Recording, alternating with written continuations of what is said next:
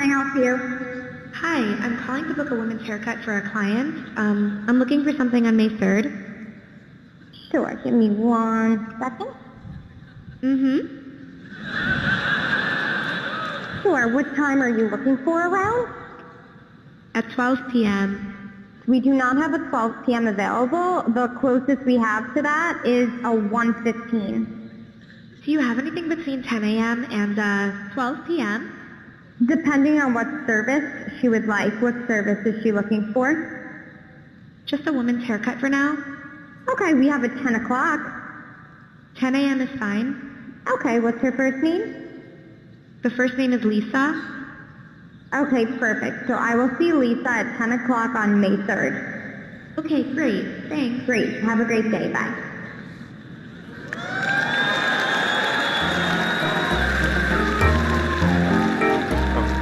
Gestart? Is? Oh ja, hij is gestart.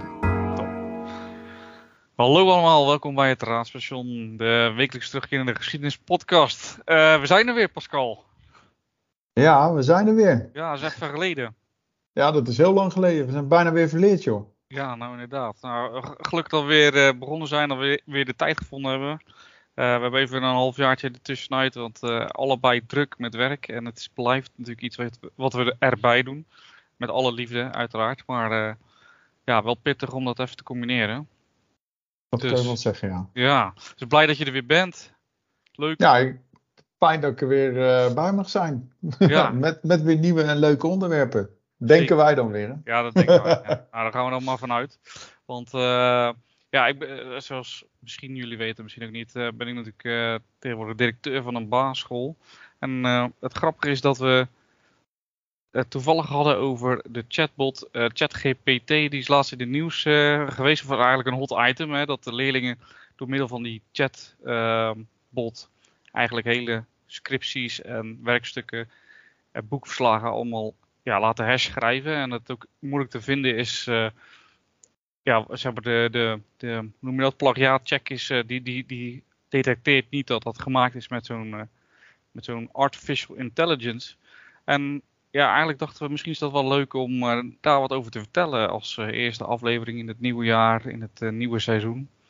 Ehm, want ja, iedereen kent Siri tegenwoordig wel, Google Home en allemaal van dat soort zaken. En in 2016 was er zelfs een, of nee, 2018 was er zelfs een Google assistent die zelf een kappersafspraak maakte in een kapperszaak door te bellen. En zelfs als er dan niet op de gekozen tijd een, een mogelijkheid was, kon hij toch zo ja, met zo'n algoritme of ja, zeg maar artificial intelligence nadenken van oké, hoe ga ik dat dan eh, inplannen en op welk moment is het dan vrij. Het was natuurlijk wel gaaf om eens even terug te kijken van eh, hoe komen we nou aan, aan artificial intelligence. En we kennen natuurlijk allemaal wel de doemdenkers van eh, eh, ehm, Terminator natuurlijk, hè, dat, dat we allemaal overroeld worden door robots. Denk jij dat dat ooit zal gebeuren als we even eerst naar de toekomst gaan, Pascal? Nou, ik denk dat het al. eh, nou, wat jij nu omschrijft is natuurlijk eh, zo'n dystopie, hè, waarin eh, ja, uiteindelijk robots ons gaan overnemen en dat je een, een soort matrix-achtig iets gaat krijgen. Ja, ik denk dat we midden in die ontwikkeling zitten en ik denk dat die ontwikkeling ook verschrikkelijk snel gaat. Dus het is geen kwestie van wanneer het gaat gebeuren, maar het, is al, het gebeurt al. Eh, maar ik denk dat het nu een kwestie is van eh, wanneer we dat dus echt gaan merken dat, eh, ja, dat robots een, een vast deel gaan uitmaken van ons, ja, van ons leven. Maar dan niet meer alleen in een mechanisch opzicht, maar ook echt wel met jou mee gaan denken en, en dingen voor jou gaan doen. En je nog meer ja, zeg maar, werk uit handen gaan nemen. Maar dan niet al, ja, o- o- ik denk ook in geestelijk opzicht. Dat is eh, pittig. Eh, Ja, ik vind het erg. Vind Ja, het dat is de erg. vraag, hè? Is het erg? Ja, zolang eh, ze niet bewapend worden en de Terminator eh, T2000 eh, je hoofd eraf hakt, is het denk ik niet erg, toch? Nee, maar dit wat jij nu schetst, dat zijn al wel serieuze ethische dilemma's die al, al worden besproken. Eh, moet je inderdaad een eh, robot al de autonomie geven om ehm, doelen uit te kunnen schakelen. Ja. Want blijkbaar die technologie om dat te kunnen doen, is er dus al. Wordt dat al ingezet dat jij, uh, dat jij weet? Met je, Nee. met je- Nou, niet, niet dat ik weet, maar eh, ik weet wel dat ehm, die robotisering door bijvoorbeeld, ehm, nou ja, door bijvoorbeeld al, al, hoe heet het, ehm, wapensystemen eh, op afstand te bedienen, ja, die zijn er natuurlijk al. Ik bedoel, een UAV, eh, drones, ehm, nou ja, no- noem het maar op. Ja, die worden natuurlijk al op afstand bediend. Dus die robotica die zit er al in. Alleen de stap waar we het net ook al over hadden, ja, dat, dat een robot dus zelf gaat beslissen welk doel die gaat uitschakelen. Ik denk dat het al wel kan.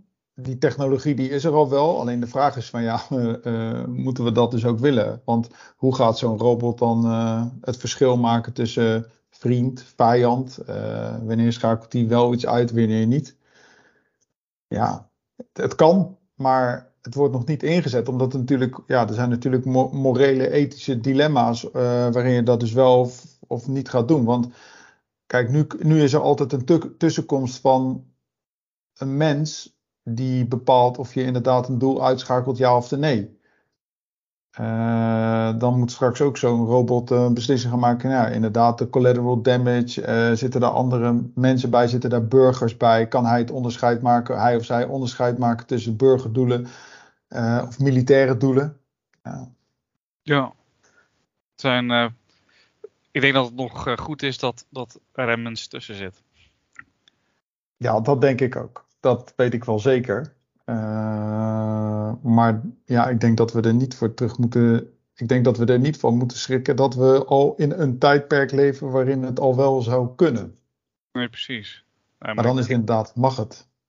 Ja, ik denk dat dat sowieso. eh, ik denk dat inderdaad wat jij zegt, dat dat sowieso die technologie er al is. Hè? Want we zijn natuurlijk ook al een tijdje bezig met het ontwikkelen. Ehm, z- zeker al vanaf eh, de Tweede Wereldoorlog met Alan Turing.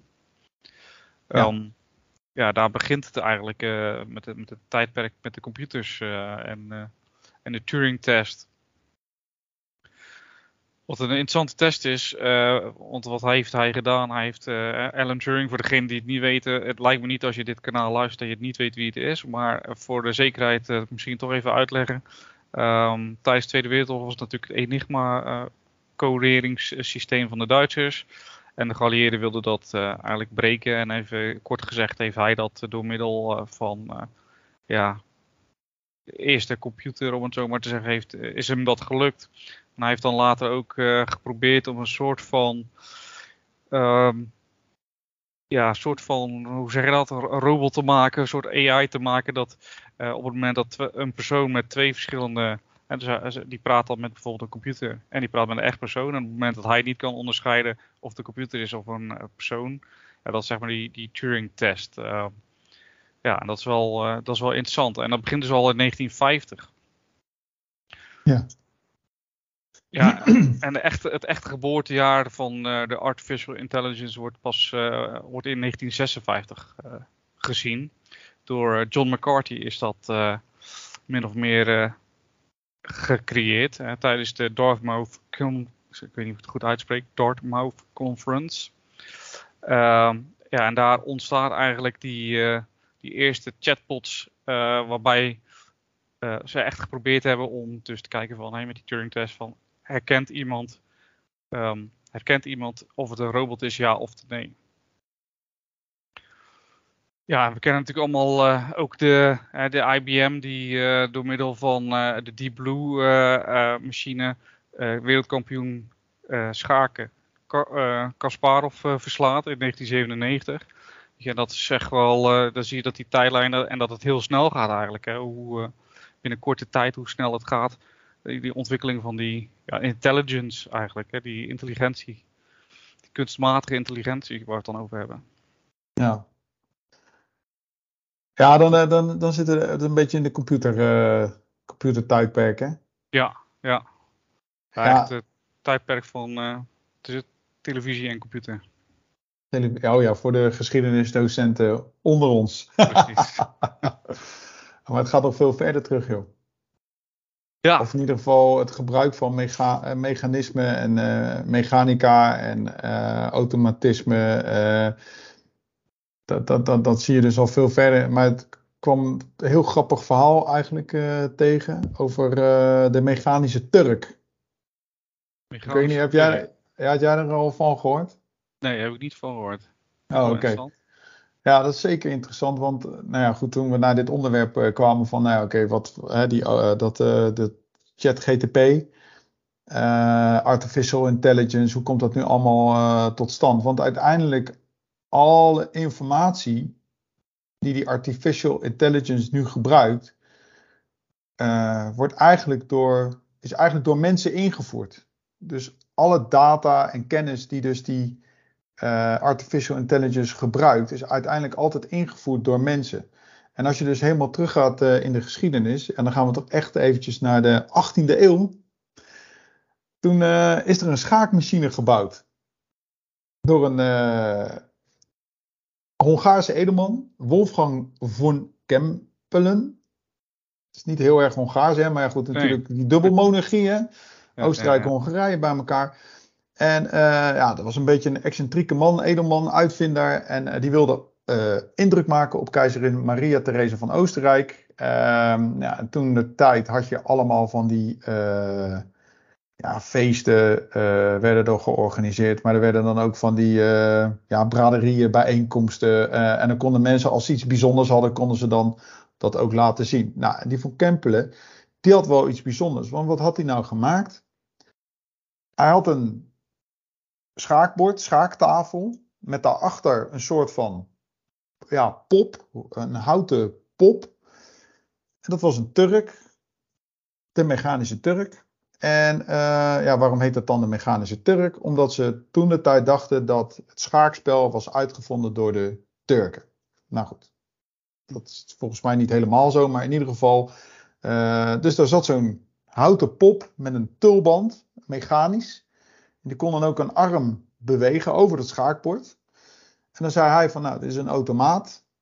En eh, dit is de beste schaakcomputer die er bestaat. Want dit wordt niet bediend door mensen. Dit is een automaat. Nou, dat geloofde natuurlijk eh, eh, niemand. Maar eh, tegen de beste schakers won de schaakautomaat. Dat was wel heel knap. Ja, en wat nog heel knap is, dat ding is in eh, 1970, dus 1970, nee, dat is niet helemaal waar, 1770 door, die van Kempelen is die gemaakt. En hij heeft het gewoon tot 1854, heeft hij eh, schaakwedstrijden met dat ding eh, kunnen, kunnen, kunnen uitvoeren. In werkelijkheid eh, zat er in dat apparaat een, een klein schaakmannetje. Klein schaakmannetje. Ja, een heel klein schaakmannetje. En door middel van spiegels. En, eh, want, want ja, op een gegeven moment zeiden we: nee, dat kan natuurlijk niet. Nee, dat kan natuurlijk ook niet. Eh daar zit iemand in. Nou, en door middel van spiegels. En wa- was het eigenlijk één grote goocheltruc. Kon je dat mannetje niet zien zitten. Maar dat is wel knap dat hij dan die schaakmeesters verslaat alsnog. Ja, nou, er zaten dus wel eh, eh, kleine schakers eh, zaten erin. Nou, er zijn een aantal mensen die dus in die goocheltruc hebben meegedaan. Ehm, nou ja, goed, dat was dus Johan Allegier, William Lewis, Jacques Mouret en William Slumberger. Dat waren dus blijkbaar kleine schakers die meededen in dit, ja, in eigenlijk deze, wat is het? Show.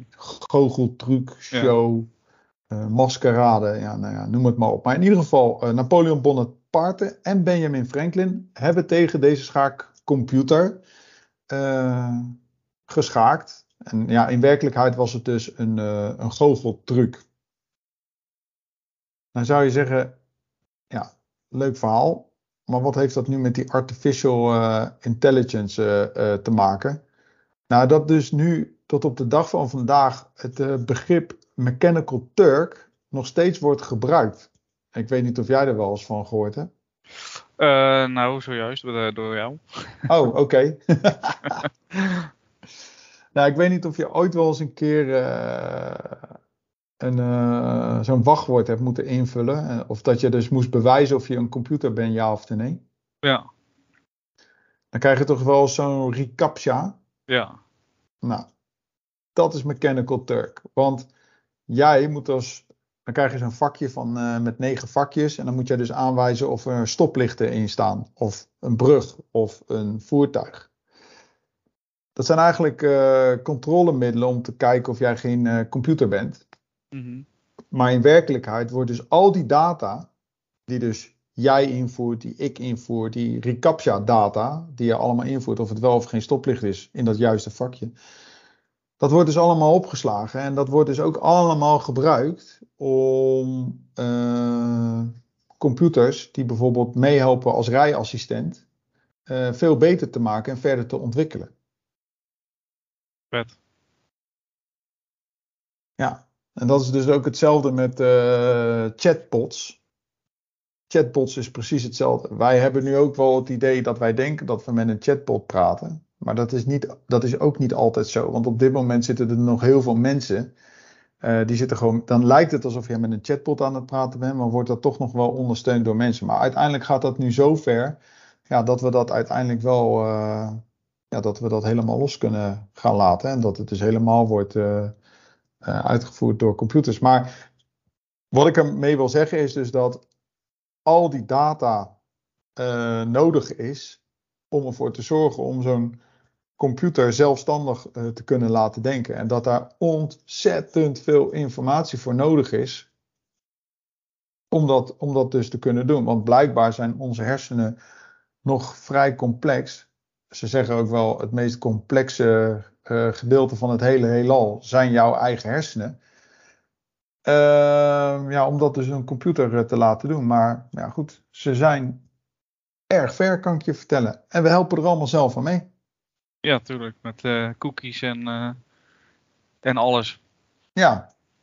Ja, want dat is wel uh, die scripts die ze natuurlijk draaien op de achtergrond. Dat, ja, dat, dat, dat verzamelt allemaal data. wat natuurlijk weer gebruikt wordt. Dus we weten allemaal. Toevallig heb ik het laatst uitgezet op Facebook bijvoorbeeld. Als je een Facebook-app op je telefoon hebt en je hebt hem toegang gegeven tot je microfoon, dan kan dat natuurlijk voor één keer, maar het kan ook voor dat, dat hij het gewoon standaard heeft. Als je de standaard aan hebt staan en je, je, je zegt bijvoorbeeld uh, schoonmaakdoekjes voor de ramen, dan krijg je in één keer een hoop reclames voor schoonmaakdoekjes uh, voor ramen. Precies. Dus um, ja, en, en, je ziet ook natuurlijk dat uh, die ontwikkeling hè, van, de, van het verzamelen van informatie, dat is nu ook veel makkelijker. en die verwerkingen die zo'n kunstmatige intelligentie moet doen, ja, die kunnen ook steeds meer gedaan worden, omdat we natuurlijk technologisch gewoon enorme grote stappen gemaakt hebben. Als je kijkt naar de computers uh, waar ik in het begin, uh, ik ben natuurlijk best wel oud, hè, maar uh, nog niet zo oud als jij, dat jij bent volgens mij. Maar, maar ik ben best wel oud natuurlijk. En als je dan vroeger zo'n zo'n MS-DOS computer had, ja, dat zelfs je, je telefoon van je Nokiaatje van vroeger was nog beter als zo'n zo'n computer. Hè. Dus je ziet dat die ontwikkeling enorm hard is gegaan, waardoor het dus ook mogelijk is uh, om, ja, om dat allemaal uit te voeren, die, die bewerkingen. Ja, en ja, mijn grootste angst is eigenlijk een beetje dat ik het dus, uh, doordat die technologie zo verschrikkelijk snel gaat, dat ik dat dus gewoon uh, als mens niet meer kan bijhouden. Mm -hmm. en dat heb, je, dat, heb je dat gevoel al? Ja, natuurlijk. Ja, nou ja, ik, uh, kijk, ik, ik, denk dat ontwikkeling en, en verbetering van systemen, net zoals ChatGTP, nou ja, ik sta daar niet heel, uh, ik sta er zeker niet negatief tegenover. Helemaal niet eigenlijk. Alleen je ziet dus wel dat, uh, nou ja, reguliere systemen, zoals bijvoorbeeld school, daar altijd dan weer achteraan hobbelt. Hè? Dus die techniek is dus nu dusdanig ver dat er nou ja, goed, je scriptie kan je gewoon schrijven. Dat ding dat maakt echt super mooie verhalen. Het is niet uh, te achterhalen of dat nou zo'n. Uh, zo'n of je dat nou zelf hebt geschreven of die uh, chat GTP. Of misschien ligt het dan aan de, het woordgebruik dat je daar nog misschien wat uit kan halen. Dat je denkt van nou, die Pascal is zo'n verschrikkelijke lumpia, die kan dat nooit zelf geschreven hebben. Dat kan natuurlijk ook. Ehm, maar wij kunnen het dus niet dat bedoel ik dus, we kunnen dat dus niet bijhouden. Want Hmm. hoe moet school daar nu op reageren? Weet je, want het moment dat eigenlijk je dus geen. Hè, je hebt een boek gelezen, je moet daar een, een, of een profielwerkstuk over maken. Nou, dat hoef je eigenlijk al niet meer te doen. Dan vraag ik me af, was dus een profielwerkstuk schrijven altijd dan de grootste onzin? Ja, ja, dat is waar. Of, of moet je nu gaan kijken als onderwijsinstelling naar andere eh, mogelijkheden? En ik, ja, kijk, weet je, dan ga ik ook weer naar het eh, hoe individueel. nou, als je kijkt naar het internet, dat, daar kan je alles vinden. Dat is super groot. Iedereen levert daar een bijdrage in. Hè? Dus eh, kijk maar naar Wikipedia, vind ik het mooiste voorbeeld. Iedereen schrijft daar wat en jij kan daar al die informatie uit, uit weghalen. Dan hoor ik ook altijd mensen zeggen: ja, maar iedereen kan daar wat op zetten. En is dat dan allemaal waar? Dan moet je ook eens herinneren aan het feit van: ja, als er nou een encyclopedie wordt geschreven en daar staat een fout eh, iets in, dan blijft dat jarenlang in die encyclopedie. En als ik dat boek voor mijn hele leven in die boekkast, blijft het er altijd fout in staan. Het mooie van Wikipedia op internet is, het wordt hersteld. Het wordt ook door anderen gecorrigeerd. Eh, tuurlijk moet je altijd dubbelchecken. Maar dat betekent dus dat je weer andere vaardigheden moet aanleren om dingen te kunnen controleren. Eh, als je geen profielwerkstuk meer hoeft te maken, waar ik net over begon, omdat de ChatGP dat heel mooi, mooi kan doen. Ja, dan moet je dus gaan kijken naar hoe ga ik dan mijn tijd anders indelen? Wat ga ik dan doen om nog meer te kunnen leren? Ja, En wat moet ik dan eigenlijk leren? Hè, want moet ik dan inderdaad een verslag van een boek kunnen maken en ken ik daardoor het boek? Of gaan we meer de creativiteit eh, en andere belangrijkere processen die ons als mens uniek maken, verder ontwikkelen? Ik zou die richting op gaan. En Ja. hoe weet ik niet. Maar Ja, dat is natuurlijk altijd eh, binnen het onderwijs eh, de, de vraag en, eh, en de uitdaging hè, van hoe sluiten wij nou met ons onderwijs aan op datgene wat een leerling nodig heeft in zijn verdere leven. En met zo'n chat GPT is dat natuurlijk hetzelfde. Eh, we hebben een hele tijd eh, mobiele telefoons ook heel hot natuurlijk. Hoe gaan we daarmee om op school?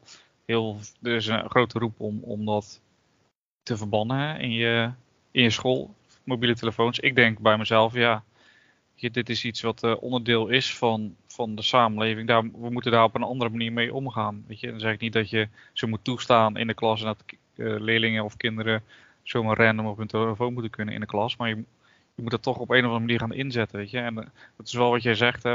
Als onderwijs loop je altijd erachteraan, achter die nieuwe ontwikkelingen. Omdat je gewoon, ja, wij zijn allemaal ouder. Eh, leerkrachten zijn ouder, eh, ministers ouder, weet ik veel. Kinderen die lopen vooraan natuurlijk in principe in, die, in de nieuwste ontwikkelingen. Dus dat zal je altijd houden. Maar het is wel belangrijk dat je daar goed op inspeelt. En ja, wat mij betreft is een school altijd de plek om eh, waar je moet kijken van wat wil je nou iemand aanleren. Hè? Wil je inderdaad nou dat iemand een leuk verhaaltje kan schrijven? Of wat zit daar dan achter? Wat zijn dan de vaardigheden die je eigenlijk wilt trainen? En als je dat dan, als kinderen dat dan door middel van zo'n eh, chatbot gaan zitten manipuleren of hebben een soort van vals spelen. Ja, dan moet je gaan kijken hoe gaan we dan die vaardigheden die we eigenlijk aan willen leren, hoe gaan we die dan aanleren? En er zijn natuurlijk ook al alternatieven bedacht. Hè? Dus dat leerlingen offline in de klas stukken moeten schrijven. Hè? Dat, is dan één, eh, dat is dan één manier om het eh, te ondervangen. Maar ja, uiteindelijk zullen we er toch moeten gaan kijken van hoe kunnen, welke vaardigheden willen we nou aanleren en hoe gaan we dat dan doen. Dus dat is natuurlijk wel een leuke discussie ook. Ja, zeker wel een interessante. Want wat ik net ook zei, dat die ontwikkelingen gaan nu in één keer, die, die gaan nu zo verschrikkelijk snel. Ja, eh, hoe ga je dat allemaal bijhouden? Want kijk, toen, hè, want jij zegt net, ik ben al een stukje ouder dan dat jij bent. Nou, dat... nou ja, in de jaren tachtig eh, stond daar één computer in de klas. Ja. En dan mocht je dan om de beurt, eh, mocht je daar een keer achter zitten. En dan ging je in een verschrikkelijk langzaam tempo leerde je dan dingetjes invoeren en, en speelde je er een keer een spelletje op. En als je, als je mazzel had eind jaren tachtig eh, en je vader en moeder hadden misschien wat meer geld, dan, eh, dan, dan, dan stond er nog een keer een spelcomputer voor de, werd er dan aangeschaft. Maar als je nu kijkt, eh, als je ziet hele jonge kinderen die zitten al op een iPad, die, die spelen al spelletjes. eh, nou ja, die groeien er letterlijk en figuurlijk mee op. Ja. Waar stopt dat? Ja, Of hoe snel gaat de ontwikkeling? ja, dat is een goede vraag. Want als je ziet naar die, die mechanische Turk, Ja, die heeft bijna 70 jaar lang uh, heeft hij door heel Europa en Noord- Noord-Amerika heeft hij rondgezworven en is nooit iemand daarachter gekomen. Ja, ik denk dat zo'n ding, als je zoiets in de huidige, in deze tijd uh, neer zou zetten, dan zou je misschien binnen, binnen twee uur erachter komen dat het allemaal niet klopt. Um, ja, om maar te laten zien dat zo'n dat het, alles gaat veel sneller. En wij hebben nu ook veel meer tijd om, om, om, om andere dingen te doen, omdat al die nou ja, primaire processen worden allemaal al geregeld door, uh, door, die, door die computer. Dus ja, wat gaan wij dus nu doen met de tijd die overblijft? Ja, en de geschiedenis heeft geleerd op het moment dat je tijd over hebt, dat je je kan ontwikkelen. Hè? Dus uh, vroeger was dat door middel van efficiënte verbouwen van je voedsel, waardoor je niet uh, constant bezig was met voedsel verbouwen en dus kon ontwikkelen. En nu is het dus inderdaad dat andere processen overgenomen gaan worden door ja, kunstmatige intelligentie of robots of hè, en dat je daardoor andere dingen kan ontwikkelen. Nou ja, je ziet het ook in, in het werk. kijk, op mijn werk worden er heel veel lessen uh, gegeven. Um, en dat deden we eerst allemaal handmatig, hè? lesjes uh, koppelen aan elkaar. Ja, dat doet dus nu een, uh, een applicatie die is ontwikkeld. wij hoeven daar nu bijna niks meer aan te doen. En de applicatie kan, die zorgt er nu voor dat, um, nou ja, het is wel grappig om te vermelden, dat in 2006 werden er 48 lesjes ingepland. En nu worden er al 63 lessen per week ingepland. Ja. Um, en wij, en, en de, de bezetting van het uh, bureau is hetzelfde gebleven. Ja, dat is toch bijzonder. Ja, en wij hoeven alleen nog maar te controleren. Maar de andere vraag is, en dat is dus ook voor, voor een organisatie denk ik dan ook wel belangrijk. Nou ja, als we dit soort primaire processen helemaal kunnen uitbesteden en we hoeven dat alleen nog maar te controleren en te monitoren. Waarbij je natuurlijk altijd hoopt dat de systemen blijven werken. Hè? Want dan ja, heb je ja, wel ja. een uitdaging. Uh, maar wat ga je dus, wat ga je, als dus altijd plannen en coördineren jouw taak was, wat ga je dan anders doen? Ja, ja goed, weet je. Uh, veel mensen zijn natuurlijk ook bang om uh, werk te verliezen, maar ik denk dat dat altijd wel zich compenseert in weer andere werkzaamheden die nodig zijn. Ik denk niet dat je, dat je bepaalde beroepen zullen uitsterven, maar andere beroepen worden gecreëerd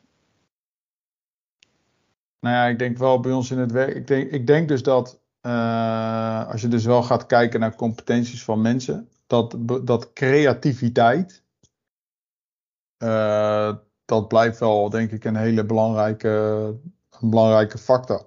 Alhoewel, uh, op, op het internet heb je dus nu ook een programma. Um, dan voer jij gewoon tekst in over een bepaald plaatje of schilderij of foto die je wil hebben. Dus als je bijvoorbeeld doet, ik wil een teddybeer in een, uh, in een industriële omgeving, dan, dan maakt hij unieke foto's of plaatjes met een teddybeer in een industriële omgeving. En een maat van mij is uh, grafisch vormgever en die zegt nu ook van ja, mijn baan houdt ook gewoon straks op te bestaan. Ik moet echt op zoek naar iets nieuws om iets nieuws te gaan maken. Want uiteindelijk als iedereen daar toegang tot, toe heeft, hey, ja, dan, dan, hoef ik, dan, dan is dat stukje creativiteit kan je gewoon aan een computer overlaten. Ja. Ja. Nou, ik ben wel benieuwd hoe uh, wij over tien jaar hier zitten en uh, terugkijken op, uh, op deze tijd, zeg maar. Ja, wat er dan gebeurt is, dan, dan, zitten er, dan hoeven wij die podcast ook niet meer te maken. Maar dan voeren wij gewoon een titel in en dan wordt die podcast gewoon voor ons gemaakt. Ja, ja, ja. Nou, het scheelt in ieder geval wat tijd. En dan, uh, ja, dan hoeven we in ieder geval geen break meer te nemen als we het super druk hebben. nee. Nee. Nou ja, goed, laten we hopen dat het, dat, dat nog niet gaat gebeuren. En dat we gewoon volgende week weer lekker samen zitten. Ja, Toch? ja zeker. Mooi. Dat is een date. ja, dat hebben we bij deze afgesproken. Mooi. ja, um, ik hoop dat uh, jullie het weer interessant vonden. Onze, onze aflevering over artificial intelligence na een tijdje afwezigheid. Um, ja, mocht je nog vragen hebben of opmerkingen hebben, dan kan je die altijd mailen naar geschiedenis.paulushistoricus.nl um, Ja, en dan uh, zien we jullie volgende week weer terug. En bedankt voor het luisteren uiteraard weer. Ja, zeker. Bedankt. Tot volgende week. Tot volgende week.